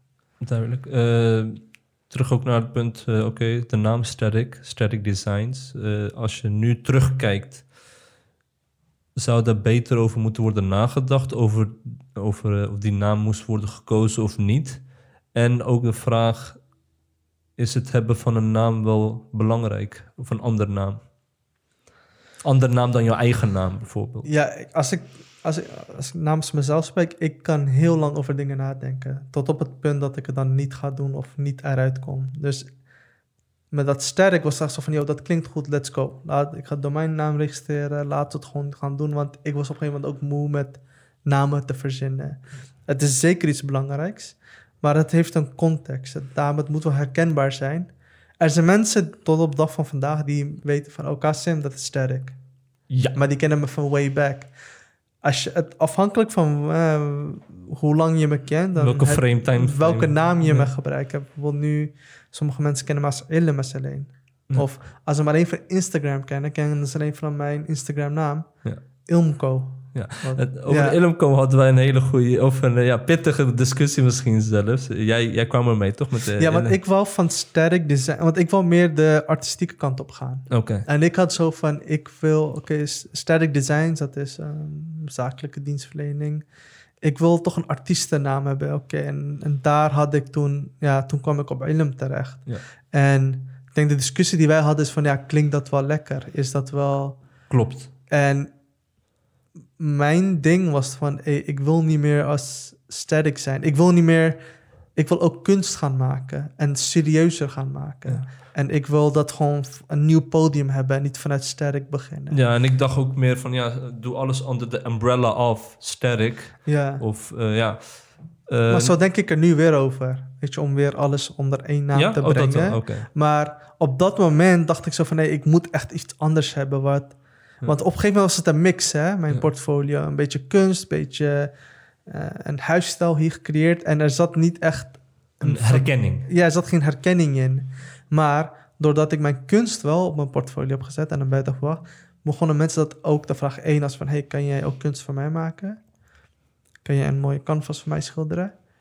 Kan jij dit toepassen voor een huisstijl voor mijn onderneming? Dus ik kon Arabische calligrafie, islamitische kunst toepassen op een zakelijke manier. Maar dat was nog steeds dezelfde look. Weet je, Ja. dat kon nog allemaal samen. Met het feit dat ik ook mijn eigen stijl heb ontwikkeld in calligrafie. En mensen dachten van, hey, dat, dat kan ik gebruiken voor mijn onderneming. Ik wil een t-shirt Hmm. of ik wil een muur in mijn zaak, weet je, waar deze stijl in terugkomt. En dat valt allemaal onder de umbrella van Ilm. Dus, dat, ja, dus dat, nu zie ik dat van, oh, dat komt eigenlijk wel bij elkaar. Begrijp je? Eh, omdat je daar gewoon veel meer werk in hebt gedaan. En mensen, het is een beetje enerzijds kunst, anders aan de kant eh, weet je, een commerciële toepassing van mijn kunst. Het is nog steeds kunst, Ja. met zo'n commerciële toepassing. Dus als, er een, als ik dan een toffe poster maak met mijn stijl, het heeft wel een commerciële doeleinde. Ja. Maar ik kan ook natuurlijk gewoon echt kunst maken wat een, eh, een expression is van mijzelf, wat geen commerciële doeleinden heeft per se. Dus op dat moment, ik moest weg van sterk design. Dus ik was het een beetje ook uitgegroeid op dat moment. Ja. Ik had zo van, ik wil iets fris doen. En ik vind dat kunst wat ik maak zijn eigen plek verdient. En het moet En niet hoeft niet onder sterk het design moet van- niet, ja, eh, er mag niet veel ruis zijn. Dus zo ben ik begonnen met van, oké, dit is gewoon alleen mijn kunstding. Mm. Ja, en eh, wat was de gedachtegang achter helemaal? De eh, discussie die ik in feite had, is van ja, ik, ik vond het, ja, de naam, ja, het pakte mij niet. Ik kreeg er geen wow-factor van. Ja. Maar jij had een bepaalde visie en een gedachtegang van nee, dat moet hem zijn. Misschien kun je dat eh Ja, elaboraten. mijn ding met kunst wat ik maak is, het, het, het moet wel wat zeggen. Het, voor, mij, het, voor mij kunst is niet abstract. Ik, ik ben wel van, het kan abstracte vormen aannemen, maar er moet een verhaal zijn. Ja. En Ilm voor mij was ook een herinnering voor mij van, oké, maak niet zomaar dingen. Vertel wel iets. En ik ben daar wat, misschien wat, wat, wat, eh, directer in, in het vertellen van mijn verhaal. Maar ik, eh, voor mij was het dus eigenlijk een herinnering aan mezelf. Van als je iets maakt, het, het moet iets toevoegen aan een verhaal, aan, aan een situatie. Uh, anderzijds, weet je, ik had zo van, oh, weet je, il, il, weet je, il merk. Ik dacht van, oh, dat is wel stoer. Dat is ook een onderdeel van mijn identiteit, mijn affiniteit met Mm. Hip-hop cultuur. En de cultuur als in, je, hebt graffiti, je hebt breakdancing. Dat, dat cultuur, dat zegt wat. Daar zit een level van ondernemerschap in. Wat ik mezelf wat toe-eigenen. Wat je moet weten is, voordat ik bij Ilm kwam, is... Je hebt Sterk en ik praat op de website van... wij zijn dit en wij zijn dat. Ik was één persoon. Je verandert dan van look en dan... ehm, je in diezelfde periode, je solliciteert ook bij andere bureaus... en je krijgt nooit een uitnodiging. Dan vraag je af, hoe komt dat? Je, je, ik wil niet die racisme kaart spelen... maar je hebt het gevoel van, oké, weet je wat elk, elke paar interviews die ik wel heb gehad, je komt bij een bedrijf binnen en je ziet niemand die op je lijkt. Dan denk je van ja, maar eigenlijk wil ik hier dan eigenlijk ook niet werken. Als je opgroeit in de Schilderswijk en, weet je, eh, en je komt in een plek waar je niemand herkent of kan viben, dan heb ik zo van oké, hier wil ik niet werken. Dus dat motiveert mij nog meer om mijn eigen ding te doen. En nog comfortabeler te zijn met wie ik ben. Dus ik ga van iemand die probeert te doen alsof het een een, een, een groot internationaal bedrijf zonder kleur, zonder echte identiteit, naar van oké, ik ben nu nog comfortabeler geworden in wie ik ben, weet je. Uh, ik Ja. kom uit Den Haag, ik kom uit Schilderswijk, ik ben moslim, ik ben praktiserend. Dit zijn mijn interesses. En gaandeweg hebben mensen mij wel verteld van, of laten zien dat ik daar geld mee kan verdienen. Dat, dat je daar je brood mee kan verdienen. Dat daar ook een, dat dit niet de enige weg is om een carrière te maken. Dus dan kom je op Ilm terecht van, dan denk je van, oké, ik heb genoeg gehad van die sterk ding. Dat is een, dat had ik, had dan ook associatie, dat was van, oh, dat is de oude ik, de oude gedachte van, ik moet zus en zo overkomen. En nu, ik zeg van, ik ga gewoon dit nu proberen en kijken waar dit naartoe gaat. In dat proces word je één comfortabel met het feit wie jij bent. En je krijgt een beter begrip van zaken als risk, weet je, van hetgene wat ik verdien, weet je, is niet aan deze persoon die me opdracht geven. En ik heb ook geleerd dat er zo vaak momenten zijn geweest waar ik dan geen, zo, ja, je hebt een periode van een maand of twee maanden geen werk, dat er opeens werk komt en dan denk je van ja, maar dit komt niet door mij, weet je, dit is mijn pad opgekomen. En als iemand die praktiserend moslim is, denk je van oké, eigenlijk datgene wat mijn succes voorstelt, komt ook niet door mijn harde werken. Maar ja, tuurlijk, je hebt hard gewerkt. Ja. En je bent er ervoor beloond, Je bent maar niet, door de schepper. oh, ja. ik, het komt door mij. Dus wanneer je dat... De dat is is Dat is een concept dat je jezelf eigenlijk altijd constant moet herinneren. Maar op een gegeven moment heb je zo van, oké, weet je, ik ben nu... Ik heb genoeg zelfvertrouwen om dit gaan te proberen. En zo dacht ik van, ik ga nu... I'm just gonna do this. Maar inmiddels ben je al zeven, acht jaar verder. Misschien bijna tien jaar verder sinds je bent begonnen. Dus daar zit een grote Ja. periode in van... Oké, nu ben ik eindelijk... Nu weet ik wat ik wil eigenlijk. Maar dat is een periode van heel veel dingen proberen. Dit is leuk, dat is niet leuk. Ik ga dit doen, dat doen. Ik ga heel iets anders proberen. Ik ga weer terugkomen. En dat je weet van, oké, dit wordt het. Dit, like, the rest of my life, Ja. dit is wat ik ga doen. Of in ieder geval in deze vakgebied blijven. Ja. Eh, ook misschien een heel belangrijk punt. eh, bijvoorbeeld, eh, wij samen hebben ook geprobeerd om samen te werken. Ja. Dus weliswaar niet gelukt. Wat kun je ook de kijkers gewoon meegeven van family, business? Ja, wat is jouw visie daarop?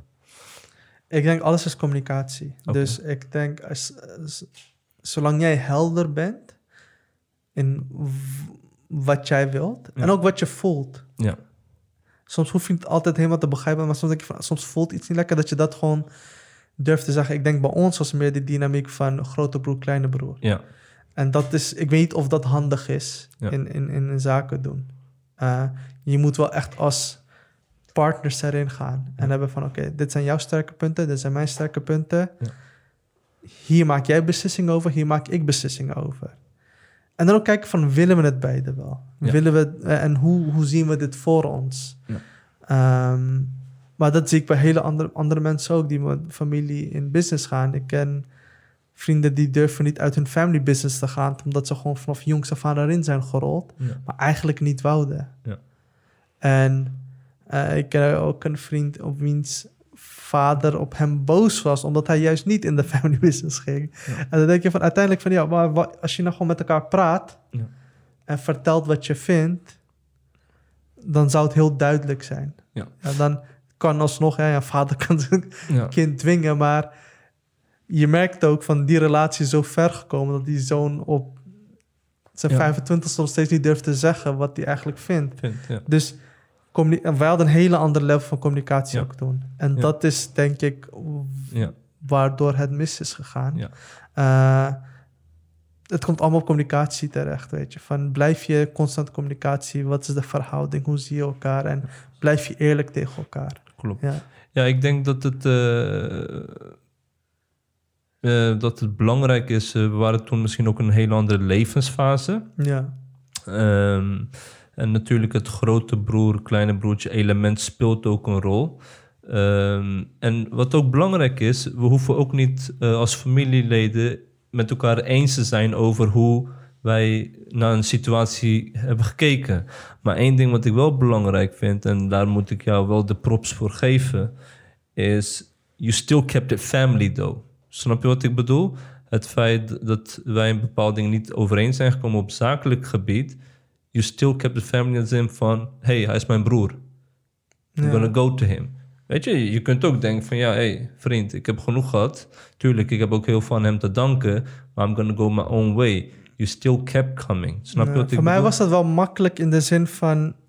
Ik weet wel welk... Ik, ik ben ook in dat proces achtergekomen van... Oké, waar laat ik steken vallen? Ja. En waar heb ik hulp bij nodig? En die punten moet ik naar mijn broer gaan. Of zelfs iemand anders. Hè? Je moet weten wie je bent. Ja. Dat, leer, dat leer je dan in zoveel jaren tijd. Van oké, hier heb ik hulp bij nodig. Of Ja. ik zou fijn vinden als dat ik hier hulp Ja. bij kreeg. Ja. En dat je dan op een gegeven moment weet van... Oké, wat hebben we aan elkaar? Ja. Wat, wat heb ik van jou nodig? Wat heb jij van mij nodig? Hoe kunnen we elkaar helpen? En eh, voor mij, ik heb ook wel zo van, nee, soms is het bijvoorbeeld als je op klein, eh, je moet weten van als iemand een boodschap overbrengt, soms is het niet altijd fijn, vooral als je steken laat vallen. Maar je moet wel zeggen van, oké, heeft die persoon gelijk? Kan ik daar echt iets van leren? Dat zit wel, voor mij is dat vrij natuurlijk om Mm.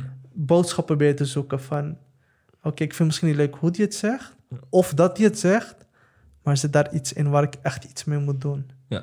Dus er zijn nog steeds dingen die, wij, die je mij hebt aangeleerd, die ik gewoon nog steeds doe. Oké, Er zijn bepaalde manier van denken en ook gewoon het niet uitstellen van dingen, gewoon doen. Eh, ik denk, zoals ik zei, ik denk te veel na over de zaken. Tot op het punt dat iets niet meer gaat gebeuren. En soms moet je gewoon beginnen. Niet altijd, maar soms, moet je, Niet soms altijd, ja. moet je niet beginnen wanneer je denkt dat je klaar bent. Ja. Maar moet je gewoon beginnen. En dan weet jij waar je naartoe wilt. Ja. Want als ik dat zou doen, dan zou ik soms misschien, misschien eens beginnen met bepaalde zaken. En ik denk dat ook eh, vooral, ik zeg niet, eh, weet je, misschien eh, het zakelijke heb ik wel heel erg in jou doorgedrukt ook. Eh, van in de zin van, get your paper right. Don't let them use you. Ja, ja dat zelfwaarde. Ja, man. Dat, ik had heel lang in het begin wist ik niet wat ik waard was. ja. En je, je vindt eigenlijk ook niet dat dit geld waard is wat je doet. ja. En daar heb ik heel veel van geleerd. En ik ben, nu als ik terugdenk, denk ik van, man, dat is echt... eh, Should have got that money there. ja, weet je, natuurlijk, weet je. Ik had zo van nu, het geld was niet voorbestemd voor mij. Maar, doordat je door blijft gaan en jij leert ehm, wat de business ethics zijn en welke methodes er zijn en hoe je moet onderhandelen met klanten, dat toen ik dan aan een klant vroeg, wat is jouw budget? En die zegt, ik zeg maar wat, 1000 euro. En jij wil 250 euro vragen. Dan denk je van, nou, ik ben minimaal 1000 euro waard. Eigenlijk. Ja. Ja. Terwijl voor mij 250 was gewoon, joh, 250 euro. Ik zou echt blij zijn. Blij zijn. Ja. Maar dat ik het vroeg van, hé, wat is jouw budget? Ja. Dat ik dacht van, damn, ik heb me echt zwaar onderschat. En dat gaat nooit stoppen. Nu, ik ben door ook veel naar anderen te luisteren... en ik, ik hoor wat zij verdienen, denk ik, nou, dan ga ik ook verdienen. Ja. Of ik ga ook op die manier. Of ik ga mezelf niet verlagen. Of, hè, of ik weet wanneer een klant niet goed voor mij is. Ook al, ook al verdient het, hè, op papier lijkt het veel geld, maar vraagt die persoon het vierdubbele qua inspanning van jou. Ja, dan stelt dat geld niet meer zoveel voor. Ja. Want je levert veel meer in dan, dan wat je ervoor krijgt. Was ik soort wel een, eh, een harde leerschool, een korte leerschool die we samen eh, hadden? Of, Je hard sowieso. ja. Ehm, maar dat, dat, dat heb je nood. En ik denk iets met lessen leren is soms leer je het niet gelijk. ja, dat Soms ook- moet er, er moet een beetje tijd over gaan. Hè? Soms, ik kan niet altijd direct laten zien van, oh, ik begrijp het en dit is hoe dat eruit ziet. Nee, soms moet je dan nog meer fouten maken om dan te zien van, oké, Ja. dit is hoe dat dit dat is voor mij dan gaat. ook een leermoment. Ik bedoel niet, ik heb het ook niet altijd eh, juist en correct gehad, snap je? Ja. Maar ik denk eh, misschien dat je daar wat meer over eh, kunt vertellen. Is van er zijn heel veel mensen die misschien in onze situatie zijn geweest. Misschien in veel grotere mate dan bij ons. Maar dan wordt het ook een family issue. En misschien kun je dat even benadrukken van, weet je, eh, zaken en familie. Als één aspect niet loopt, betekent niet dat het andere aspect ook niet moet lopen. Ik denk dat een van de moeilijkste dingen is, is ehm, om dat gescheiden te houden. Weet je, eh, live like brothers, do business like strangers. Ehm, is moeilijk, want je kan één kamer in zijn en een meeting hebben en dan weet je niet met elkaar eens zijn en weet je, eh, emoties kunnen hooglopen, omdat jij nog steeds de familiebanden ziet. Ja. En dan roept je moeder je in de volgende kamer van... Hey, het eten is klaar. En moet je als familie aan de eettafel gaan zitten. En dan moet je dat toch wat daar hebben achtergelaten. Wat je ook hebt waar je ook een eh, andere opinie met elkaar over had. Is kapot moeilijk. ik, weet niet, ik weet eigenlijk... Ik denk om dat zoiets te laten slagen is... Kijk, of iedereen doet gewoon met zijn rol mee. Maar zodra jij vindt dat iets anders moet... Dan gaat... Dan, dat is waar een frictie kan ontstaan. En dat iemand anders zegt van... Maar ik ben dit. Ik ben je vader. Of ik ben je grote broer. Of ik, ben, ik zit er langer in. Ik zeg maar wat. Weet je? En terwijl je iemand zo van... Oké, nee, maar wat zijn de expertises hier? Weet je? Nog een, een andere kennis van ons... Die zat in een familiebedrijf. En die heeft zo van... Ik weet hoe dit naar de volgende level kan. Maar papa heeft zo van... Nee, het is goed zo. Is like, no, weet je, deze, deze bedrijf kan nog verder, kan nog hoger. Je kan dit doen, dat doen. Nee, maar het is goed zo. Het loopt al jaren goed zo. Waarom zou dat veranderen? Klopt. En dan, dan- ja, dan krijgt de zoon ook minder zin in dat zaken doen. Maar ik, de, het is wat, hoe, heb, hoe is de relatie opgebouwd al die jaren? Ja. En ik denk ook van familie of geen familie, als bijvoorbeeld, eh, ik zit nu al in een soortgelijke kwestie, van als bijvoorbeeld hele goede vrienden met elkaar zaken gaan doen, bijvoorbeeld. Ehm, dat is heel wat anders dan als je bijna 40 bent, je kent elkaar meer dan 20 jaar lang en je gaat met elkaar samenwerken en zaken doen, dan heb je samen ook wat levenservaring opgebouwd. En Weet je, soms kan het gewoon zijn als twee goede vrienden zaken met elkaar doen. Andere mensen kunnen een beetje jeppen. Van ja, volgens mij eh, verdient hij iets meer dan jou. Of haalt hij iets meer in de kas. En eh, ik had een keer een voorbeeld eh, gehoord, eh, gehoord van, over onze ooms. Die werken al meer dan 50 jaar samen. Ja. En er was een beetje gekibbel via derden. Van ja, maar ja, hij haalt wel geld. Hij beheert het geld. Maar kijk hoe hij leeft en kijk hoe jullie leven.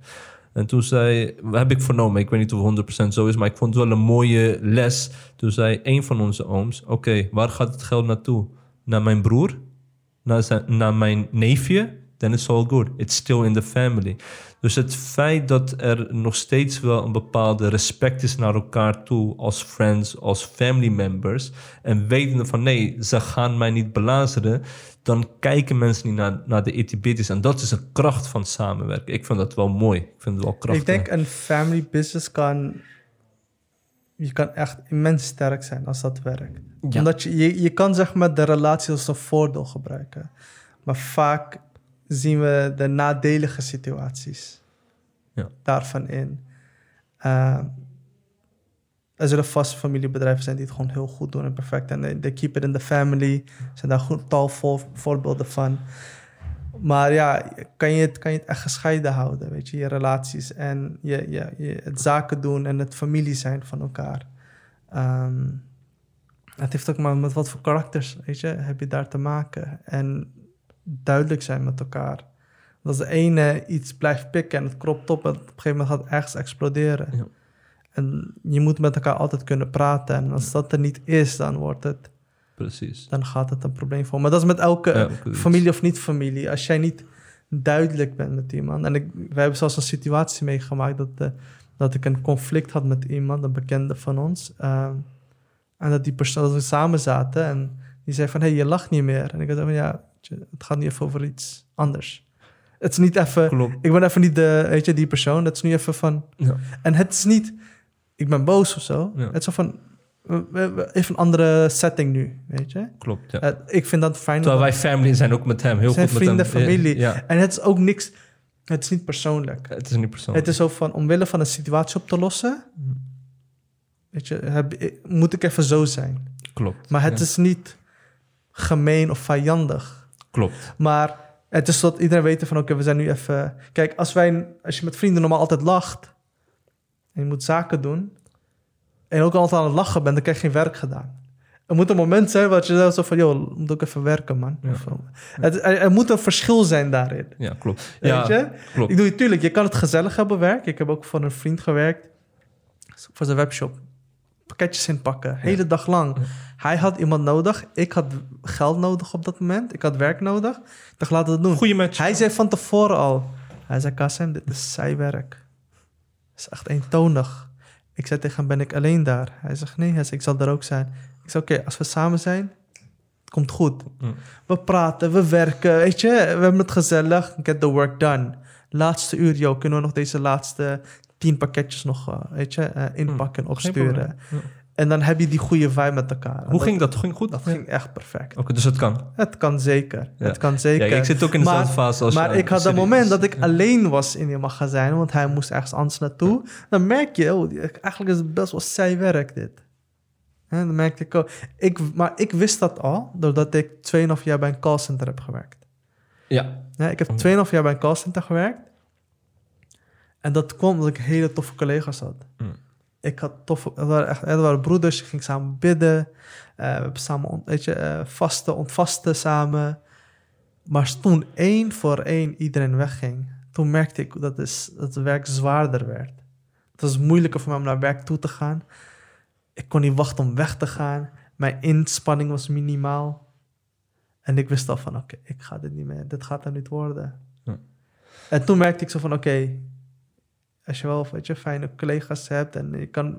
Je, ik kan niet alleen zitten op mijn werk, weet je. Als ik, kan het wel, maar Ja. als het werk ook niet leuk is, dan, dan hou ik dat niet vol. Dat motiveert mij om dan Ja. nog meer in mijn Ja. kunst en design dingen bezig te zijn. Ja. We hebben ook wel een voorbeeld eh, wat je net ook had aangegeven over eh, dat je samenwerkte met iemand die ook een, eh, in ieder geval een opdracht had van een vriend. Ja, Welke ook mijn vriend eh, nog steeds is, met wie ik ook gewoon goed contact heb. Eh, terugkomend op de situatie is misschien wel een mooi eh, punt. Is van dat eh, de broeder tegen jou zei van ja, jij lacht niet. Weet je. En voor mij was het een moeilijk moment, puur vanwege het feit omdat de, die vriend van mij dan, van ons, mij heel dierbaar is. Ja. Maar ik moest die onderscheid ook gaan maken. Want van, en het is niet zo van oké, ik denk dat mijn broertje hierin min, eh, wordt benadeeld. Het ging maar gewoon om de situatie. En dat zei ik ook laatst tegen, tegen de broeder ook. Van, ik zeg, kijk, wat jij voor mij hebt gedaan als vriend, ik kan dat never nooit terugbetalen. I will always owe you. Maar ik ben ook zo'n vriend, als ik vind van, hé, hey, dit klopt niet, I will always tell you as well. En daardoor is onze band naar mijn mening nog sterker geworden. En hij is nog steeds een hele goede Maar het vriend. fijne van die situatie Ja. was... Wat ik vond, wat hij vond, dat was uitgesproken. En dat Ja. hadden we heel lang niet gedaan. Ja. En voor mij was het toen ook van... We hebben het uitgesproken. Precies, ja. En, de- We hebben een conclusie aan, aan de Ja. situatie. en we gaan weer verder. En we gingen de kamer uit en we were like, yo, we're good. We're good, ja. ja, En-. Je moet, je moet door dat oncomfortabele heen om te groeien. Als je dat niet doet, ja. wat, wat ga je... Je gaat één... Je gaat mensen haten. Ja. Daar zal je altijd bij blijven. Elke keer als je die persoon ziet, dan ga je dat... Ja, dat- waarom? Want Ja. je wilt dat soort dingen niet met je meedragen. Nee, Dus, eh, dat gaat je niet goed doen. En je merkt gewoon van... Je weet gewoon van, als we, nou, als we gewoon dit hebben gehad... Let's just talk about it. Laten we, laten we een conclusie weet je, Trekken, laten- trekken. We gaan verder. En we gaan weer verder. Ja, ja, ja. ja. Dat, dat is mooi, ja. en als je met de juiste mensen maakt, dan is het voor iedereen beter. Het is niet voor iedereen weggelegd om te, uit te praten. Maar Ja, weet je, alhamdulillah, met de meeste, meeste Ja. mensen die wij kennen wel. alhamdulillah. Ehm, waar sta je nu in het leven? Je hebt van je hobby je werk gemaakt nu. Eh, ja, waar sta je nu? Wil je nog, wat zijn de plannen eigenlijk voor de Qasim Arif? Ehm, mijn plannen zijn... Ik zit nu in een fase dat ik heb zo van... Oké, ik, ik, ik doe mijn designwerk en nu... ehm, ik wil meer in mijn kunst meer verhalen gaan vertellen. Dus ik wil daar iets meer tijd aan gaan besteden. En ik had verwacht vanwege de corona dat iets meer minder opdrachten zou zijn, dat ik daar meer tijd voor zou hebben. Door alhamdulillah heb ik daar geen tijd voor, omdat eh, er, lopen wat, er lopen nog wat projecten. Maar zodra dat weer wat rustiger wordt, dat ik meer tijd besteed aan eh, veel verzoeken die ik krijg van mensen. Van, hey, kan je meer posters maken, meer canvassen? Dat is iets waar ik niet genoeg tijd aan heb besteed. En zoals vandaag heeft iemand tegen mij gezegd van... Hey, jij moet je webshop echt updaten. Maar ik zei, ja, ik moet echt daar even tijd voor maken en dat gaan doen. Dus ik wil meer producten uitbrengen, want ik maak kunstwerk voor mensen op een opdracht. Maar ja, dat zijn dan vaak prijzen wat niet iedereen eh, kan betalen. Eh, maar ik wil voor iedereen wel wat hebben. Weet je, ik bedoel, oké, als jij dan dit niet kan betalen, maar misschien kan je wel een printje of een canvas of een, een ander product of een t-shirt of iets dergelijks. Eh, dus ik wil dat gedeelte van eh, ilm even uitbreiden en meer verhalen vertellen in, in, design. En gewoon verhalen die er nog niet zijn op die manier, op mijn manier. Misschien dezelfde thematiek, maar net anders verpakt voor niet, de generatie waar wij vandaan komen. Ja. Weet je, geboren jaren 80, opgegroeid in jaren 90. Die transitie van, weet je, van ehm, voor en na social media en alles wat we qua design en kunst hebben meegekregen, qua media, qua popcultuur hebben meegekregen. Al die referenties pakken en daar. Eh, want ik maak dingen die ik niet heb gezien en waar ik mezelf in herken. En ik, mensen vertellen me van, ik herken mezelf ook daarin. Want het, oh, ik, eh, en dat is wat ik ook mensen wil geven, is dat ze die herkenning ook erin hebben. En dingen waar ik mee zit, weet je, ehm, weet niet wel, weet je, misschien maak ik een piece waar sabber op staat, omdat ik daar toevallig iets mee wil doen. Ja. Of uit de situatie dat ik van, ik wil hier iets mee gaan maken. Ehm, gooi de wereld in en de, wereld, de mensen vertellen je wat dat met hun doet. Mhm. Of op dat moment dat dat iets voor hen betekende. Ehm, bijvoorbeeld met de coronasituatie. Ik had eh, toen een stukje uit ehm, een vertaling van de vers eh, genomen. Ik geloof Surat Toba was het maar. Ehm, ik parafraseer het even van... eh, hetgene wat je denkt dat goed voor je is, maar eigenlijk slecht voor je is. En je denkt dat iets dat, go- dat slecht voor je is, maar eigenlijk goed voor je is. Surah Baqarah. Ja, Surah Baqarah. Ja, ja. ja. Dus gewoon om te laten zien van hè, mensen hadden vooral in het begin, toen corona, met al het hamsteren, was het heel, heel negatief allemaal. Weet je? En wat slecht. En mensen zeiden van, oh, dit is een weet je, bestraffing, dit is een beproeving. Maar ik had van, Ja. ja, we weten het eigenlijk nooit, Nooit, echt. ja. Maar ik ben wel overtuigd van in elke situatie moet jij inderdaad gaan kijken van wat, wat is het goede wat ik hierin kan doen. Ja. Oké, ik kan misschien nu niet, ik kan nu zeggen vast een sportscholen open, maar ik kan niet naar sportschool. Dat betekent dat ik niet met mijn gezondheid bezig kan zijn. Ik kan niet dit doen, maar wat kan je dan weer wel? Dus kijk in mogelijkheden. En ik zag op dat moment heel veel mensen van heel negatief praten. Ik zeg maar, oké, maar nu mis je alle kansen die er zijn. Dat je alleen maar zo erg bezig bent met het negatieve. Dus dan pak ik van, oh, dat is de situatie van nu. Ik, ik refer- refereer terug naar iets in onze dien. En ik breng dat op dat moment naar buiten. Dat mensen denken van, ja, oké. Want ik, eh, ik, ik moest reflecteren erop. Van, misschien zit hier iets heel goeds in. Ja. En door de hele tijd zo negatief te zijn, mis ik al het goede. Met elk moment dat voorbij gaat, mis ik... En ik denk, Halil zei dat ook in de vorige. Van, weet je, dat soort van itikaaf, toch wel een Ja, beetje. Het was- semi, ja, ja. semi-itikaaf van... Ja, als je dat op zo'n manier gaat benaderen, Benaderen. denk ik van... hé, eigenlijk, wat kan ik wel bereiken? Dus ik hoorde de negativiteit dat, wat ik dan zag, waar ik dan zo naar buiten brengen. En iets anders wat ik volgens mij dropte, was vanuit, vanuit de hadith van sallam, dat hij sprak over het eten voor één persoon is genoeg voor twee. Ja, dat is toen ik naar de Albertijn ging en ik zag dat alle schappen leeg waren, dacht ik van, hey, als je al dat rijst gaat kopen, beter kook je voor de hele buurt. En niet alleen voor je gezin. Weet je, dan dacht ik van, dat soort dingen komen dan bij je op. En dat zijn de verhalen die ik wil vertellen. Dus van, wat zie ik en hoe...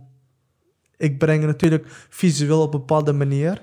Eh, het is niet in tekst, maar ik gebruik woorden, calligrafie, design... om dan een verhaal, een reflectie. En het is, het is bijna een, eh, een dagboek eigenlijk voor mij op dit moment. Nice. Je brengt Ja. het gewoon naar buiten en je hoopt gewoon dat mensen er ook wat aan hebben. Omdat je zelf er iets aan hebt gehad. Nou, lijkt me een leuke legacy die je achterna kunt laten, zeker weten. Ja, Eh, je werkt ook samen, of werkte samen met Five Pillars. eh, ja het zijn vrienden van mij. Dus af en toe projectbasis waar, waar ik een toegevoegde waarde heb. Dan werk ik samen met ze, ja. En eh, je, je reist ook bijna jaarlijks. En nu is het wat lastiger, denk ik. Nu met, ja, het valt mee dat reizen, maar Ja. Als het moet, dan reis ik voor werk. Maar als het niet moet, dan blijf ik lekker thuis. Gewoon vanuit huis, ja. Eh, wat wil je meegeven aan eh, mensen die willen designen of mensen die aan het designen zijn, maar zichzelf nog niet kunnen positioneren in de markt of daar hulp bij nodig hebben, maar wel ja, hele mooie designs hebben? Wat kun je aan hun meegeven? Eén ding wat ik vaak hoor is als ik dan bijvoorbeeld buiten, als ik bijvoorbeeld een workshop ergens geef of dat ik ergens namen aan het kalligraferen ben, mensen, maar de moslims dan vaak, die komen dan naar me toe en zeggen van ja, weet je, ik eh, deed ook veel met dit of deed me van dat. Maar ik liet het gaan vanwege eh, studie of wat dan ook. Wat ik daarvan heb geleerd is één, ehm, je hoeft niet per se altijd een carrière van te maken. Als je iets kunstzinnigs doet. Het zij schilderen, kalligraferen, schrijven van poëzie of iets anders. Ehm, maar ik denk als je dat iets in je hebt, van geef het een plek. Het kan heel therapeutisch voor je zijn. Je, het hoeft niet per se altijd een carrière te zijn. Maar als je voor een carrière gaat, ja, dan moet je dat ook zo uitstippelen. Van oké, wat wil ik doen? Hoe wil ik dat aanpakken? Wie wil ik aanspreken? En dan wordt het gewoon wel zakelijk. Maar om, als je met je kunst wilt, bezig wilt blijven, dan moet je het als, als een business gaan aanpakken. En van business zitten ook minder leuke dingen in. Oké, dan heb je een project wat misschien minder leuk is. Iemand zei laatst tegen mij, kwam tegen, hij zei ja, dan weet je, iemand heeft me gevraagd om een schilderij te maken. En die zegt van ja, weet je, wanneer is het af? Ja, dat, zegt hij, ja, dat weet ik niet. Hij zegt ja, soms heb ik er zin om eraan te werken, soms niet. Ik zeg kijk, als het een klant is, dan heb je met andere regels te maken. Tenzij de klant zegt van wanneer jij klaar bent, eh, laat het maar zien. Ja. Ik zei maar, als jij zegt vier weken, dan moet het ook vier weken klaar zijn. Of je dan morgen al klaar bent of echt aan het einde van vier weken. Je moet het dan nog zakelijk gaan aanpakken. En wat ik dan wel zie is, waar mensen daar een beetje moeite hebben van, ja, weet je, alsof ze creativiteit moeten forceren. Nee, maar je moet er wel een proces van maken. Het is, eh, er, er moet een systeem in zitten. En het is niet altijd wachten tot je klaar bent. Je moet gewoon beginnen en dan komt er wat uit. Niet gelijk. Er komt niet gelijk altijd iets moois uit. En dat is ook misschien een, een misvatting van... Maak gewoon even iets. Alsof het nu gelijk... Nee, daar zit ik heb een proces. En als mensen bijvoorbeeld een, dan een budget minder hebben... waarvan ik denk van... nee, maar ik kan niet minder dan dit werken... want dan kan ik niet aan mijn proces houden. Als ik niet aan mijn proces hou... kan ik niet Leven. mezelf verantwoordelijk houden voor het eindresultaat en jou ook niet. Ja. En dus je moet, je moet een proces maken van hoe werk jij. En je moet, je moet je plekje vinden. Je kan hetzelfde doen als alle anderen. Dat is goed. Dat is aan jou. Ik heb ervoor gekozen om hetgene wat ik doe, dat ik niet vervangbaar ben door iemand anders. Als iemand tegen mij zegt van, nou weet je, iemand anders kan dit ook doen, ja, dan moet je naar die persoon toe gaan. Maar ik weet nu wel wat ik, what I bring to the table, qua design, qua service, eh, qua expertise en kennis. Als je dat ergens anders kan vinden voor een, eh, noem het even, een goedkopere prijs, dan moet je dat ook gewoon daar gaan doen. Ik weet wat ik, wat ik breng. Dus, en weet je, het hoeft niet altijd, het hoeft niet altijd werk te zijn. Ja. Maar Know your worth is ook iets. know your word Ja. en, en zoek jouw plekje. En je gaat het misschien ook niet gelijk vinden. Maar blijf wel bezig. Ik ken mensen, ik ken genoeg mensen die hebben het opgegeven. Vanwege een tegenslagje. Vanwege een tegenslag, iets werd moeilijk, weet je, dit kwam niet. Ik heb ook niet altijd van mijn design geleerd. Ik heb wel heel lang bijbanen Juist, gehad om ja. dat te doen. Dat een maar punt. het was ja. voor mij wel van, ik wil dit blijven doen en ik ga ervoor zorgen dat ik dit kan blijven doen. Ja, Dus maar ook welke heel veel moet- artiesten, comedians of whatever, weet je, los van het feit eh, of het toegestaan is of niet, eh, hebben ook bijbaantjes eh, moeten hebben en daarna weer een optreden. Snap je? Ja, Dus heel ja. veel comedians die willen ehm, dan of een rol op tv of commercials gaan doen, want het verdient genoeg om weer verder te bouwen op hun carrière. En je, moet, je moet even kijken wat je gaat doen. Je moet, oké, niks moet, maar als jij het wil, Wilt, dan zou je wel iets moeten doen. Moet jij een plan gaan eh, uitstippelen van hoe dat gaat. En in jezelf geloven. Ja, en ik ehm is er wel een plan, dit, dit had ik met eh Dirk Otte, kwam, kwam er eigenlijk mee, van Kun je hem ook reguleren of niet? ja, nu, nu moet dat wel. Ja. Nu ga ik gaan vragen om even Oké, langs te komen. ja. Ja, maar hij zei iets een keer heel moois. Hij zei van, ik wil een keer een workshop. En ik weet niet of ik dit mag vertellen, maar ik vertel het gewoon. Eh, een workshop. ehm, en hij zegt dit van A tot Z, van artiest tot zakenman. Nice. Ja, Nice. en ik begreep precies wat hij bedoelde. Is van, je wilt heel graag dat mensen met hun, met hun kunst kunnen leven. En niet, en niet de starving artist zijn. Ja, Voor altijd. ja, Dat- ja. Je wilt dat, dat mensen... Want ehm, dan refer ik even naar bijvoorbeeld Dapper Dan uit Harlem. Hè, die, die kleren maakt. En, en, en mensen, hij krijgt nu kritiek van... Ja, maar jouw kleren, wij kunnen niet meer kopen in, hè, in Harlem waar wij vandaan komen. Hij zegt, ja, maar- maar doordat mensen mijn kunst kunnen kopen... kan ik in Harlem blijven en Wow. ben ik toegankelijk voor jullie. Willen jullie iets weten? Willen jullie bij mijn atelier komen? Willen jullie stageplek? Hij zei, ik ben hier. Dus hij geeft misschien niet terug in kleding, maar wel op een andere manier.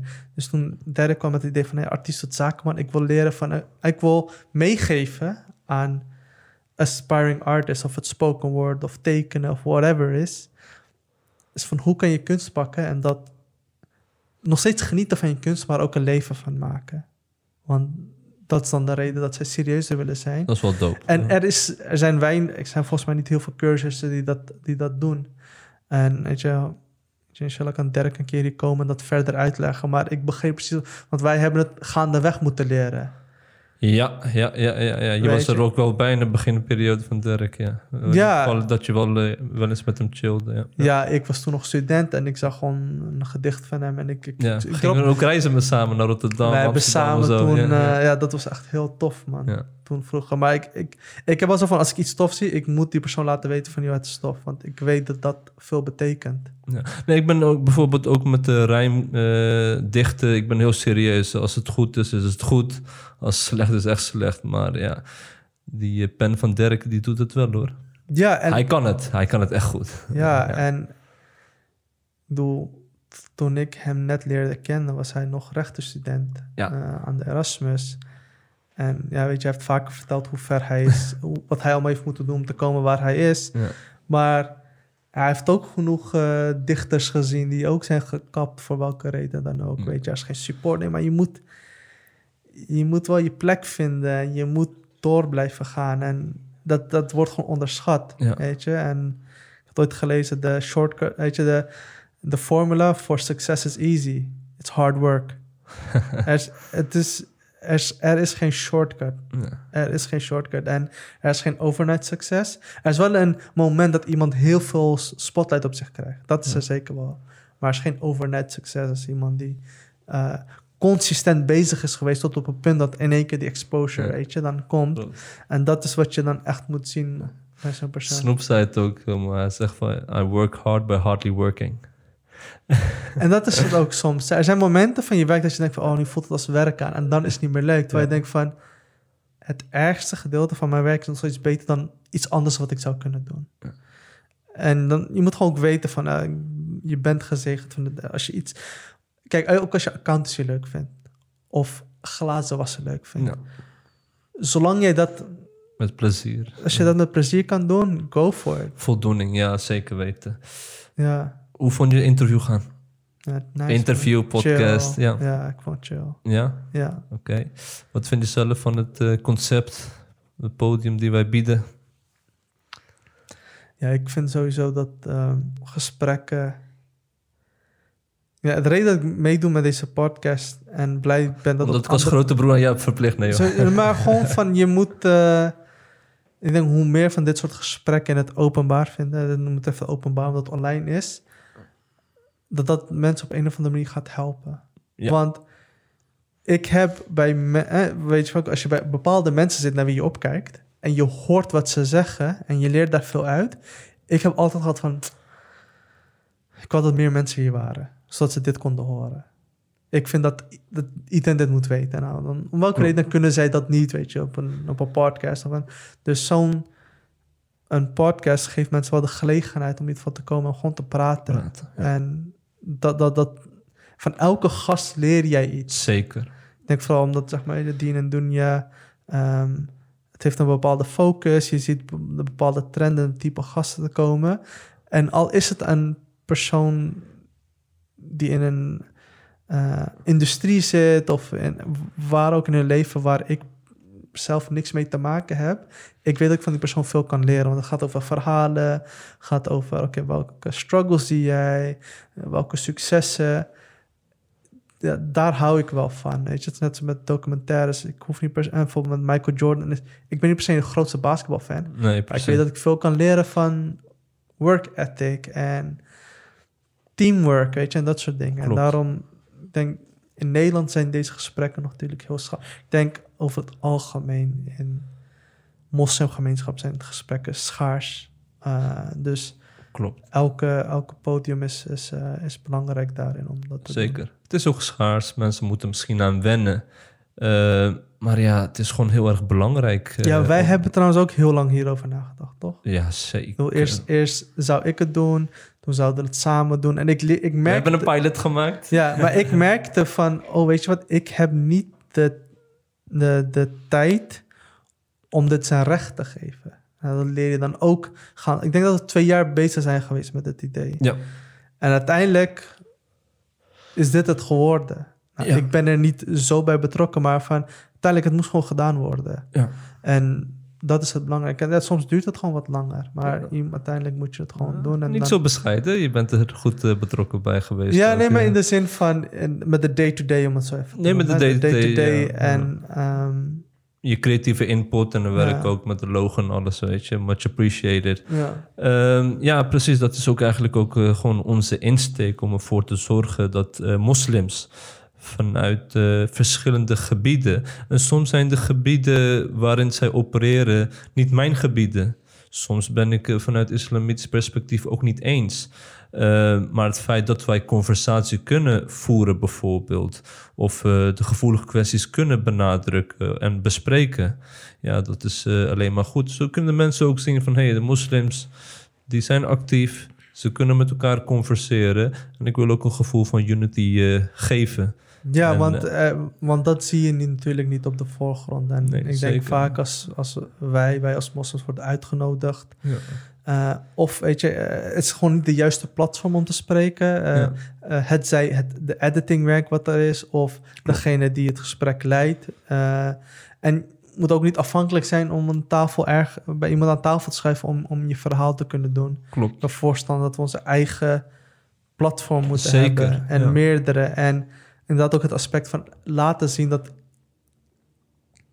welke spectrum je ook zit hè, binnen de islamitische gemeenschap, dat je met elkaar aan tafel kan en altijd kan Zeker. praten met elkaar. Zeker. Eh, en ik denk als wij dat meer laten zien en dat ook minder, minder boos zullen worden als er iemand dan aan tafel namens ons spreekt, waarvan we dan later eh, op de avond op Facebook en Bezig, steeds ja. moeten zeggen van ja, maar die eh, vertegenwoordigen ons niet. niet. En dat klopt. dan hebben ze van, oké, maar oké, waar kunnen we dat wel doen? En dit, Dit is een podium, zeker. Ja. Geef een voorbeeld ook. eh, je zei tegen mij toen ik net binnenkwam, je ziet er een beetje moe uit. ja. En dat heeft te maken met het feit dat de dag daarvoor een broeder bij mij langs was gekomen. En hij kwam ongeveer voor acht uur kwam hij bij mij thuis. ja. Drie keer raden hoe laat hij wegging. Vier uur in de ochtend. Hmm.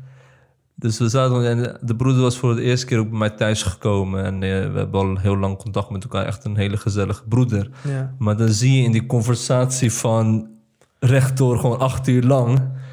dat we zoveel met elkaar gemeen hebben. En dan denk ik van in die acht uur wordt al zoveel knowledge gedropt. Maar ja, zoals je zegt van heel vaak de broeders die elkaar spreken... durven misschien niet voor de camera, maar je kunt heel veel van hun leren. Ja, dan kom je gewoon eh, achter van ja, oké, deze broeder heeft ook fascinatie voor andere dingen. We hebben veel meer met elkaar gemeen. En, eh, en ja, het is gewoon heel erg belangrijk dat eh, mensen eigenlijk ook ons moslims ook als mensen zien. En waarin we ook over onze misschien wel ontwikkeling en ook zwakheden praten, zodat anderen zich daaraan kunnen relateren en denken van ja, oké, I've been through that as well. Oké, maar hij heeft het daar en daar gemaakt. Waar kan ik van leren? En nu ben je ook eh, door middel van deze podcast die we samen hebben gehouden, van hé, hey, dan gaan mensen ook misschien jou misschien nog makkelijker benaderen op basis van wat je hier hebt gezegd. Om te zeggen van ja, hoe moet ik daar en daarmee omgaan? Dus wanneer we onze knowledge delen, onze experience delen, ja, dat de anderen daarvan kunnen profiteren binnen de kaders van islam, dan is dat alleen maar mooi meegenomen, denk ik. Ja, ik, ik, ik moet nu denken van eh, je hebt zo'n quote van eh, teaching is learning twice. Leuk. Ja. Toch van als je, als je, als je iets, iets meegeeft, dan leer je door die interactie dat iemand jou ook.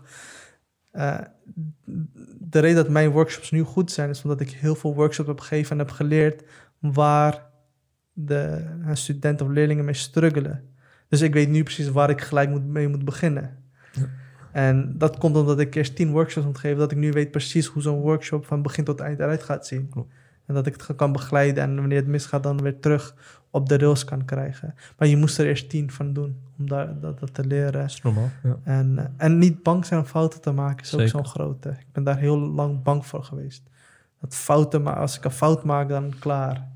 Terwijl dat essentieel is om, om beter te worden. Om te groeien, om beter te worden. Yes. Oké, dankjewel.